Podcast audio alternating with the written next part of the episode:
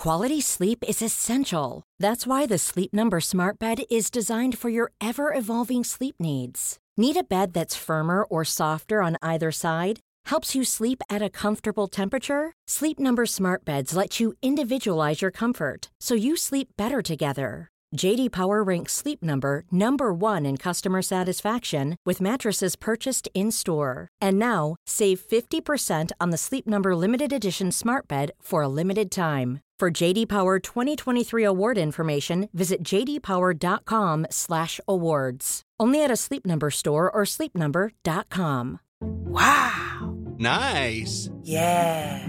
What you're hearing are the sounds of people everywhere putting on Bombas socks, underwear, and t-shirts made from absurdly soft materials that feel like plush clouds. Yeah, that plush. And the best part? For every item you purchase, Bombas donates another to someone facing homelessness.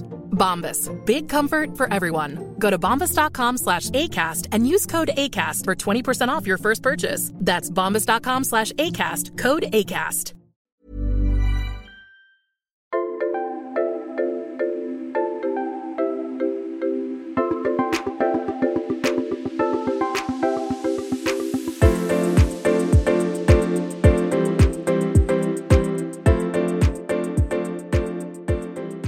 Ibland kan ett telefonsamtal resultera i en spännande och oväntad vändning i livet. Det hände dagens gäst som dels har bytt yrke och dels flyttat tillbaka till Sverige efter 27 år utomlands. Varmt välkommen Maria Borunkel. Tack så jättemycket. Du jobbade i Washington eh, då du fick ett samtal från din kusin som frågade om du visste att eran mormors syster Ingeborg var barnamörderska. Minst sagt en överraskande fråga. Kan du berätta lite mer? Ja, det är ju rätt länge sedan nu. Det hände 1999 på sommaren. Då bodde jag... Som du fick, ja just det, som du fick samtalet. Ja, precis. Mm. Ja, då bodde jag och min familj i Finland och jag jobbade på Nordiska utvecklingsfonden där.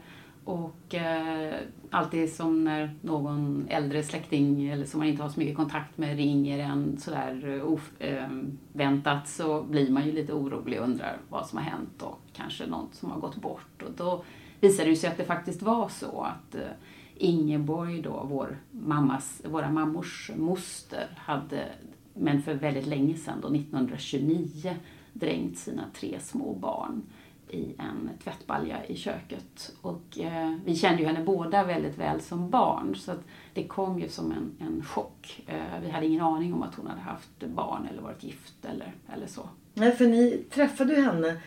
Eh, du var väl ända upp till du var 13 år så du hann ju träffa henne flera gånger. Ja, precis. När jag var riktigt liten så bodde hon hos min mormor och sen besökte vi henne nästan varje helg på sjuk, de sjukhem hon kom in på sen som äldre då. Det var en väl bevarad hemlighet i familjen. Ja, precis. Nu efteråt när jag har börjat prata om det så har jag förstått att alla har vetat det. Men alla har eh, fått reda på det av en slump eller oväntat på ungefär samma sätt som mig och sen inte förmått att ta till sig den här nyheten utan gått och, och tryckt på den här hemligheten själva då. Precis som jag gjorde. Jag pratade inte med någon om det här på Mm. över tio år efter jag fick Nej, reda det. den, den fanns där i huvudet någonstans. Så, men det är intressant just att, att man i familjen eller släkten inte ens nämnde utan väldigt många bar på det här vetskapen utan att prata om det. Ja, precis. Jag tror även små barn har en känsla av vad man får prata om och inte prata om. Mm. Och, Men du, vi kommer tillbaka till boken lite senare. Därför att du har ju alltid haft ett väldigt stort intresse av att hjälpa andra. Och en väldigt stark vilja att förbättra världen kan vi säga. Det har ju du visat bland annat genom ditt stora engagemang eh, i biståndsarbete som du har arbetat med i 25 år. Väl? ja, just det. Det började egentligen i fjärde klass när vår lärare tyckte att vi skulle skaffa oss varsitt fadderbarn. Och de flesta av mina klasskamrater de tittade på olika länder i Afrika, framförallt Etiopien, medan jag var jätteintresserad redan då av Latinamerika. Och då kunde man ju inte googla, men det fanns ju bibliotek och uppslagsverk och sådär. Så att jag eh, hittade en eh, brevvän i Peru som jag brevväxlade med då under många år. Sen skulle det dröja väldigt länge innan jag själv kom dit. Då. Det var när jag studerade internationella relationer på Göteborgs universitet. Då fick eh, jag och en kurskamrat ett, ett stipendium från Sida eh, 1989 och reste dit. Och, Till Peru? Ja. Mm. Och var där några månader och så samtidigt träffade jag mina barns pappa. Och sen fanns det inte riktigt någon återvändo. Sen dess har jag jobbat eller studerat då i, i Latinamerika. När jag tänkte när du fick det här stipendiet, var det ett önskemål eller var det bara en slump att det blev just Peru? Nej, det var ingen slump. Nej. Vi eh, la in, eh, ansökte om att få komma till eh, Peru. Och eh, just då, 1989, var det ju rätt oroligt i Peru. Så att, eh, vi blev rejält uppskrämda innan vi kom dit och vågade nästan inte gå av. Nej. men, men sen var det en fantastisk upplevelse när vi väl kom dit då, och träffade många fantastiska människor. Så um, du jobbade sen också då i Latinamerika eller? Eh, Jag har inte bott någon längre period i Latinamerika. Jag har besökt nästan alla länder i, på arbetsresor eller på semester. Men jag har eh, jobbat med kontinenten från framförallt Washington då, där jag jobbade i 17 år på Inter-American Development Bank, IDB. Men även från eh, Nordiska utvecklingsfonden som jag nämnde tidigare, från Helsingfors och på FN. När du jobbade för FN eller åt FN, var det när du var i Washington eller var det när du var i ett annat land? Eh, då var jag i Köpenhamn, eh, jobbade som upphandlingsexpert eh, där. Och vad har man för bakgrund när man jobbar med den typ av jobb som du har haft? Ja, jag började ju att studera internationella relationer på Göteborgs universitet och eh, språk. Jag har studerat franska och spanska. Och, eh, men eh, jag bestämde mig sen då för att ha en mer praktisk inriktning så jag läste internationell ekonomlinjen på Linköpings universitet och det var eh, efter en, ett kort jobb i Madrid på Svenska exportrådet som jag sen eh, sökte mig till biståndsvärlden, FN och IDB. Då. Eh, Då undrar ju jag, eh, IDB, det var ju så här i Washington och eh, det står ju för Interamerikanska utvecklingsbanken ska vi väl säga. Ja, just det. Eh, Och där var du i 17 år. Mm. Lång tid. Ja, det var inte alls meningen förstås att, men att det vi skulle bli kvar så länge. Nej. Men det... Men vad gjorde du då? På vilket sätt arbetade du där? Eh, eh, ja, för de som inte känner till IDB då, så är det ju en regional utvecklingsbank som lånar ut pengar på förmånliga villkor till stater framförallt. Eh, Eh, och till vissa länder som är väldigt fattiga, som Haiti till exempel, så tar eh, man ingen ränta alls utan det är gåvomedel då som ges till viktiga utvecklingsprojekt som eh, regeringarna i länderna har prioriterat. Och det kan det kan handla om allt från att utveckla läroplaner till att eh, eh bygga eh, olika kollektiva transportmedel till att eh, hitta miljövänliga energilösningar i länder som kanske har varit mer eh, beroende av fossila bränslen och sådär. Så Och då är det så att man lämnar först in en ansökan i det land man bor i, där de då gör en prioritering och sen går det vidare till ett IDB då. Ja, precis. Så att eh, länderna, vi har ju många villkor förenade med våra lån då, till exempel att länderna ska respektera eh, ursprungsbefolkningen och eh, ha, ta viktiga miljöhänsyn och så. Så vi arbetar ju på ett annat sätt än, än privata banker. Så att även om vi, våra lån då, eller IDBs lån ska jag väl säga, jag arbetar ju inte där längre, Nej. men är billigare än privata banker så är det kanske länder som föredrar att göra som de vill och ändå och lånar på den öppna marknaden om man säger så. Men eh, eh, det är en ansökan från, från eh, länderna och eh, sen har då de här IDB eh, inom energi och eh, utbildning och, eh, och det finns då en projektledare som, som driver de här projekten. Vad var din uppgift på IDB? Ja, jag ansvarade för fonderna på IDB. Eh, som är då gåvomedel som dels banken själva avsätter ungefär 100 miljoner dollar varje år eftersom det är en icke vinstdrivande organisation. Men också fonder som medlemsländerna då, det är nästan 50 medlemsländer i den här internationella organisationen, eh, ger till, till banken. Och eh, då erbjuder man de här medlen eller gåvomedlen till länderna som ett incitament att använda oss. Så det kan vara att göra en förstudie till en, en ny tunnelbana i Bogotá till exempel. Mm. Som ju kostar väldigt mycket pengar att göra. Ja, och då får man de pengarna gratis om man väljer att... Eh, Uppfyller vissa krav då sådär? Ja, precis, precis. Men så att du då också gjorde en bedömning utifrån deras ansökan då eller? Eh, det var ju eh, varje fond hade en fund manager så okay. att säga. Så att jag var mer någon slags koordinator mm. för de här olika fund. Men, men för att beviljas pengar då så var det den som var ansvarig för respektive fond mm. eh, att se till då att dels att eh, givarlandet till exempel då kanske Sverige villkor uppfylldes men att även bankens eh, villkor uppfylldes. Då. Som sagt det krävs ju en ganska stor kunskap också för att verkligen förstå och jag kan tänka mig att även du måste besitta en hel del kunskap. Ja, framförallt så, så är det väl viktigt att kunna samarbeta tror jag för att i, det är ju ofta väldigt komplexa eh, projekt mm. som, som vi arbetade med så att man hade ju naturligtvis förutom en expert på till exempel energi, när det gäller ett energiprojekt, så fanns det ju någon expert på hur det här skulle finansieras och eh, en jurist naturligtvis. Och så att vi, det var ganska stora team mm. som jobbade tillsammans. Men det krävs ju ändå att man kan ställa relevanta frågor till specialisterna. Jo, jo. och att man framför ja. allt kanske vågar ställa de här lite mer eh, dumma frågorna. För alla specialister och experter blir ju kanske ibland lite insnöade på sitt mm. ämne. ja, men det, så är det i, i mångt och mycket. Ja. Du har ju gjort väldigt mycket och framförallt jobbat med bistånd eh, som är otroligt spännande.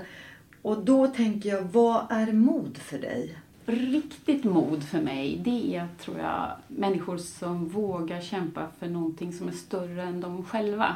Eh, trots att det kanske medför tråkigheter eller till och med livsfara för dem. Så att jag tänker på till exempel kvinnorna som kämpade för rösträtt här i Sverige. Jag hade förmånen att få vistas i Elin Wägners hem i i maj månad en vecka och det var en mm. fantastisk eh, upplevelse i, i Småland då, där hon bodde i berg. Och jag tänker på personer som Nelson Mandela eh, som satt i fängelse en stor del av sitt liv för att han kämpade för alla sydafrikaners lika värde och Martin Luther King och, mm. och det, det är riktigt mod. Och det finns ju jättemånga som kämpar idag också mot diktaturer och fanatism av alla slag fast mm. det är förenat med livsfara så för dem själva. Och det, mm. det har jag en oerhört stor respekt för. Mm. Att bara göra någonting för någon annan. Ja. Och det väl, går väl lite grann tillbaka till det, just ditt starka engagemang i människor. Det, sen har ju jag aldrig varit utsatt för någon slags livsfara på något sätt. Men, Nej, men, men ändå du har ju säkert jobbat i de områden som det krävs att man står upp. Mm. Men vad är framgång då? Framgång är väl att man eh, vågar leva sitt liv kanske efter eget huvud, att man arbetar med någonting man blir, tycker om och eh, gör en lycklig. Kanske att eh, göra någon slags nytta. Och framgång kan, tänker jag då att eh, för dig tänker jag på, det är ju att du har ju nu då flyttat tillbaka till Sverige mm. efter 27 år utomlands. Mm. Mm. Och det är ju ett mod och en framgång säkert för dig. Du har också bestämt dig för att byta yrke. Du jobbar inte längre inom bistånd utan att du numera är författare. Mm. Och då tänker jag, då backar vi tillbaka till det här samtalet som du fick mm. då 99. Där din kusin då berättade att era mormors syster Ingeborg var barnamörderska. Berätta, vad, vad, liksom, vad, vad, vad gjorde att du kom fram till sen efter så många år senare att du ville skriva en bok? Ja, det har ju varit en otroligt lång process. Då. Först som jag nämnde så tog det ju 12 år innan jag överhuvudtaget frågade någon vad som hade hänt. Jag förträngde ju den här händelsen. Eh, och sen när jag började fråga min mamma och mina släktingar och så var det fortfarande väldigt svårt för de flesta att prata om det här fast det hade gått över 80 år. Och eh, det var väl egentligen min yngsta moster som tyckte det här var skönt att äntligen få prata om och hon har hjälpt mig otroligt mycket. Planning for your next trip? Elevate your travel style with Quince. Quince has all the jet setting essentials you'll want for your next getaway. Like European linen premium luggage options, buttery soft Italian leather bags, and so much more. And it's all priced at 50 to 80% less than similar brands. Plus, Quince only works with factories that use safe and ethical manufacturing practices. Pack your bags with high-quality essentials you'll be wearing for vacations to come with Quince. Go to quince.com slash trip for free shipping and 365-day returns. Life is full of what-ifs. Some awesome, like what if AI could fold your laundry? And some, well, less awesome, like what if you have unexpected medical costs? United Healthcare can help get you covered with Health Protector Guard fixed indemnity insurance plans. They supplement your primary plan to help you manage out of pocket costs. No deductibles, no enrollment periods, and especially no more what ifs. Visit uh1.com to find the Health Protector Guard plan for you. Hey, it's Ryan Reynolds, and I'm here with Keith, co star of my upcoming film, If, only in theaters, May 17th. Do you want to tell people the big news? All right, I'll do it. Sign up now and you'll get unlimited for $15 a month in six months of Paramount Plus Essential Plan on us. Mintmobile.com slash switch. Upfront payment of $45 equivalent to $15 per month. Unlimited over 40 gigabytes per month. Face lower speeds. Videos at 480p. Active Mint customers by 531.24 get six months of Paramount Plus Essential Plan. Auto renews after six months. Offer ends May 31st, 2024. Separate Paramount Plus registration required. Terms and conditions apply if rated PG. Med researchen och vi har rest i Ingeborgs fotspår. Eh, och eh, vi gjorde väl det här mest för vår egen skull, att försöka förstå, eh, att få ihop bilden av den Ingeborg vi kände med den här nya informationen då. Men sen så blev jag väl så besatt helt enkelt av den här historien så att jag kände efter några år att jag måste, jag måste få ner det på papper mm. för att bli, bli av med det i huvudet. Så att säga. För jag levde ju nästan med Ingeborg då all min mm. fritid. För det, du började ju skriva då under tiden du fortfarande jobbade i, på IDB i, i Washington. Ja precis, jag skrev på, på kvällar och helger och mm. tidiga morgnar. Mm. Men hur kom det sig att du sen, är det någon dröm du har haft länge att vilja bli författare?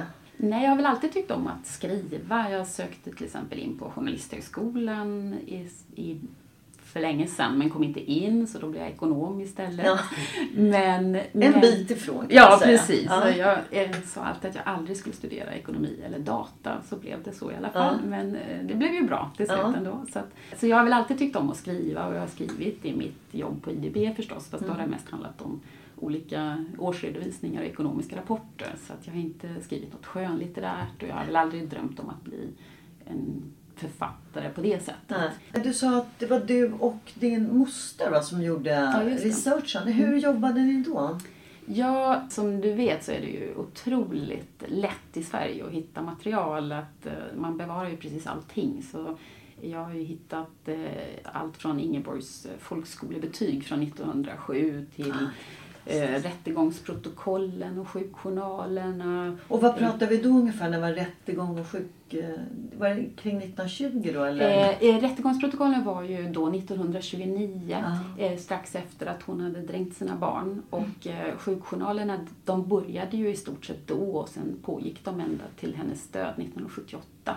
Så det är en enormt stort material som jag har fått ta del av och sinnesundersökningen hon genomgick. Och, Eh, men sen var det ju också en, en, en rätt ovanlig och uppseendeväckande händelse i den här lilla byn då där det hände 1929. Så det stod ju mycket om det i tidningarna och prästens dagbok har jag fått eh, se utdrag ur och eh, han som, som begravde barnen och även vigde Ingeborg, hennes man. Då. Ja, och sen skrev ju Ingeborg brev från fängelset till sin man som jag också efter några år fick ta del av eh, från en släkting på barnens pappas sida. Så han hette ju Arthur va? Just det. Ja, hennes man. För, för jag såg ju också som sagt de anteckningarna. Jag skulle säga att jag har läst din bok som är väldigt spännande och samtidigt eh, både fascinerande och skrämmande är den, mm. tycker jag.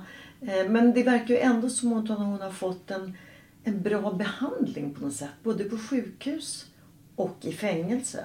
Ja, det var ju någonting som förvånade mig otroligt mycket när jag eh, började att studera sjukjournaler och alla protokoll och sådär. Det, det lät faktiskt så bra så att jag trodde att eh, man hade friserat sanningen på något sätt. För att jag, tänk, jag hade en helt annan bild för mig innan jag började titta på det här. Men sen då när jag fick eh, ta del av breven som Ingeborg eh, skrev till sin man, då, då berättade hon ju faktiskt att hon blev hembjuden på kaffe av en eh, ja, personalen där eh, på fängelset i Växjö. Och eh, hon, man plockade blommor till henne på hennes födelsedag och hon fick wienerbröd och sådär. Mm. Så att det, det, det, är ju- det, det, det kändes på något sätt eh, fint Mm. att och, och, och läsa. Att, att hon ändå fick den bästa vården som fanns just då.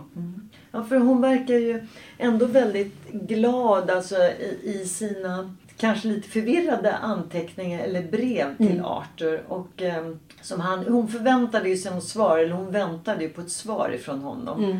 Och samtidigt så känns det som att hon inte riktigt insåg hon vet att, att barnen inte fanns längre men ändå inte riktigt förstod vidden av det kändes det som, tycker jag. Ja, nej, hon, hon förträngde nog det här, eh, tror jag, eh, i större delen av sitt liv. Precis som ja, hela släkten på, min, på Ingeborgs sida i alla fall och, och bygden kanske också har. Eh, och i början tyckte jag väl det var väldigt hemskt att man förnekade nästan de här tre små barnens existens. Det var ju ändå min mammas kusiner, att man eh, brände alla foton på dem. Man och- brände alla foton. Ja, eller rev ut dem just ur eh, albumen och man grävde ner barnens gravsten. eh, Men nu efterhand som jag har eh, lärt mig mer då om historien så kan jag väl kanske, så förstår jag att det kanske var enda sättet för dem att överleva ett sån traumatisk Mm. upplevelse. För att vi pratar ju 1929 i en Mm. liten by på 300 människor. Det fanns liksom ingen att- kunskap om psykisk ohälsa. Det är ju ändå en, en väldigt stor händelse att man tar livet av sina egna barn, tre stycken. Ja, oh ja. Eller oavsett om det är en, men bara ta livet av sitt Ja, barn. ja, ju... ja. Visst finns det en bild på två av barnen, va? Eller? Ja, det var ju... Hur fick du den? Ja, då när eh, Arthurs, alltså Ingeborgs mans eh, släktingar tog kontakt med mig. Eh, de hade läst ett reportage i Hems Journal och eh, kontaktade mig via journalisten. Och, eh, det var av dem som jag fick alla foton, eh, både från begravningen och på barnen när de fortfarande levde. Det är de som har bevarat eh, breven som Ingeborg skrev till sin man från fängelset och det är de som har hjälpt mig och som har fått upp gravstenen helt enkelt så att man kan se den nu. Så att de har varit oerhört eh, tillmötesgående och, och hjälpsamma och mycket mer öppna kanske än, min familj var från allra första början. Nu har ju det svängt så att nu är ju, tycker ju alla att det är väldigt skönt att, att kunna prata om det här. Det är ju ändå rätt starkt att de då har bevarat de här breven, att de har bevarat korten och också engagerat sig i att få upp den här gravstenen igen. Det, det, är- det är ju väldigt stort tycker jag. Det är Ja, ja, berörande. ja, ja, oerhört eh, fint. Det är ju på något sätt eh, en bok om försoning kanske Ja. som jag har velat skriva. Precis. För att det är ju inte helt självklart att, att man förlåter, eller åtminstone en, en person som gör något sånt här. För att hon blev ju faktiskt också väl, eh, alltså väl bemött sen när hon kom tillbaka till samma by. Ja, för att eh, hon kom tillbaka till samma by men de levde ju aldrig tillsammans mer efter det, vilket man kan förstå. Men Mm.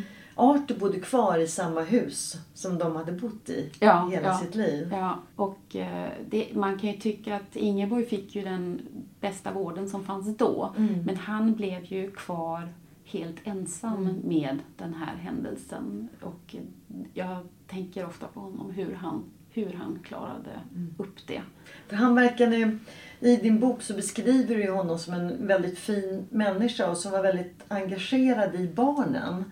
När de levde menar jag alltså. Mm. Och då tänker jag att det måste ju ha varit en, alltså en otroligt trauma för honom. Och precis som du säger, man undrar vilken hjälp fick han? Eh, nej, efter vad jag har förstått så, så fick han ju ingen hjälp överhuvudtaget. Utan han, han levde vidare och hade väl inget val att flytta. Jag menar, han var äldsta sonen på gården och det var hans uppdrag att ta hand om den. Och Ja, det är en stark historia. Och vad heter boken? den heter Det kom för mig i en hast. Just det. Och, eh, det kanske var så också för henne. För att hon, hon blev ju lite tyst och så. Men, men eh, innan det här traumatiska hände. Men vi ska inte berätta mer om boken utan jag tycker att man ska köpa den och läsa den. För det är en otroligt stark skildring är det. Och eh, av någon, en verklighetshistoria som hände då som sagt 1929. Så vad gör du nu? Ja, nu flyttar jag tillbaka då till Göteborg, min hemstad, i december förra året. Eh, och eh, tanken är att jag ska bli författare på heltid. Mm. Fortsätta. Du har tankar på en ny bok? Ja, jag tänkte göra det lätt för mig först och skriva någonting om Latinamerika då, som jag kan lite mer om än eh, så att jag inte nästa bok ska ta sju år också. Men nu har jag ju kommit ifrån den världen lite grann. Så att nu, nu, och nu är det många dessutom som har eh, frågat mig vad som hände med eh, pappan till barnen då när, när de, de som har läst min bok. Så att nu funderar jag kanske att man ska skriva en bok om, om det. Vi får mm. se. Och apropå det här med böcker, det här är ju din första bok nu som du har skrivit. Ja, precis. Så tänker jag att även om förlaget gör en viss marknadsföring så måste du ändå själv arbeta, och se, eller arbeta men alltså se till att det blir föreläsningar kanske, och kommer ut och visar boken och det. Känner du att du har hjälp av att du har bott utomlands? Jag tänker framförallt i USA där man är väldigt duktiga, duktig på retorik och att sälja in sig själv. Ja, det, det får jag nog säga att jag har eh, haft rätt mycket hjälp av. Jag måste ju lära all, med allting från, från grunden och då, och då är det väl kanske lättare att, att komma helt utifrån eh, än att kanske byta spår när man, om man har bott i samma stad hela sitt liv. Så att, mm. Och sen är det väl så att man i, i, i USA kanske är, är, lite bättre på att eh, eh ja, lite pushigare helt mm. enkelt. Men också det här att man inte ser ett misslyckande som något negativt utan det är ju bara en del i din erfarenhet så att säga. Sen är det bara att gå vidare. Ja precis, att man, att man inte tar varje nej som ett stort personligt nederlag utan nej. att det kanske bara var så att det var någon annan som passade bättre just då. Mm. Eller vad. Jag hade väl någon slags föreställning när man skrev en bok att man satt på sin kammare och så skrev man eh, jättemycket och sen blev det en bok till slut. Eh, jag var inte riktigt medveten om hur mycket man måste hålla på och skriva om och redigera och jag har ju skrivit många versioner av den här boken och det är klart, första gången man får den där kritiken så, så är det ju rätt kämpigt det att, att ta. För det, det, blir ju så personligt. Mm. Men, men när man har gjort några vändor så vänjer man ju sig också. Så att det är väl, eh, man får väl ta refuseringar och, och, och, nej på, på samma sätt på något sätt. Att, eh, eh, ja, och det är ju alltid lättare också om man, om man har frågat kanske ett tiotal personer om de vill att man kommer och signerar sin bok eller att man föreläser. Då är det ju lättare att ta fyra, fem nej. Mm. Eh, om man vet att det kanske kommer ett ja imorgon. Mm. Jag tänker det blir ju ändå lite annorlunda för att när du skrev den här boken då hade ju du ett jobb. Eh, du var ju anställd då på IDB mm. och gick dit varje dag. Eh, nu har du ju inte det utan nu är du ju helt på din egen hand. Mm. Kräver det mer, eller det känns som att det skulle kräva mer struktur av dig själv för att komma vidare. Eh, just därför att du inte har något annat jobb utan det är det här som är ditt jobb, ditt nya jobb. Ja precis, det är ju, man blir ju sin egen företagare på något sätt och gör inte jag någonting så händer det ju ingenting. Eh, och eh, jag kan väl sakna hela den där strukturen som man har på en arbetsplats. Det finns någon IT-kunnig person som man mm. kan eh, prata med om det blir problem med det eller att mm. eh, man, när man går upp på morgonen så, så vet man att man har personer som väntar på en och är beroende av en, att man är med i teamet. Liksom. Och det, det har jag ju inte nu på samma sätt förstås. Mm. Det... Men jag tänker, sitter du hemifrån och skriver eller har ni någon sån här ställe där du träffar lite andra också eller du sitter hemma och skriver? Det är lite olika. Jag sitter mycket hemma men jag träffar också personer på vänner på biblioteket eller I Göteborg till exempel finns det ju Litteraturhuset som mm. har också många fina arrangemang. Eh, frukostar och kvällssamtal om litteratur och sådär. Och då träffar man ju likasinnade och det är ju mm. väldigt spännande. Ja, för man behöver ju finna sitt sammanhang på något sätt ibland. Ja, precis. Sen tar det ju sin lilla tid att hitta de där sammanhangen också när man, man eh, kommer, som jag då känner mig, eh, ja, kommer utifrån efter att ha varit bortrest eller mm. bott utomlands i nästan 30 år. Så, mm. så, så tar det ju lite tid innan man eh, förstår hur allting fungerar. Spännande. Nu ska vi avrunda och eh, man säger varmt tack. Det här är en fantastisk historia. Både det här att ditt arbete och har bott utomlands länge men också din bok är ju en otrolig historia och en eh, mörk hemlighet som ändå har ett, ett ljus i sig kan jag tycka ändå. Varmt tack eh, Maria för att du tog dig hit. Tack så jättemycket för att jag fick komma.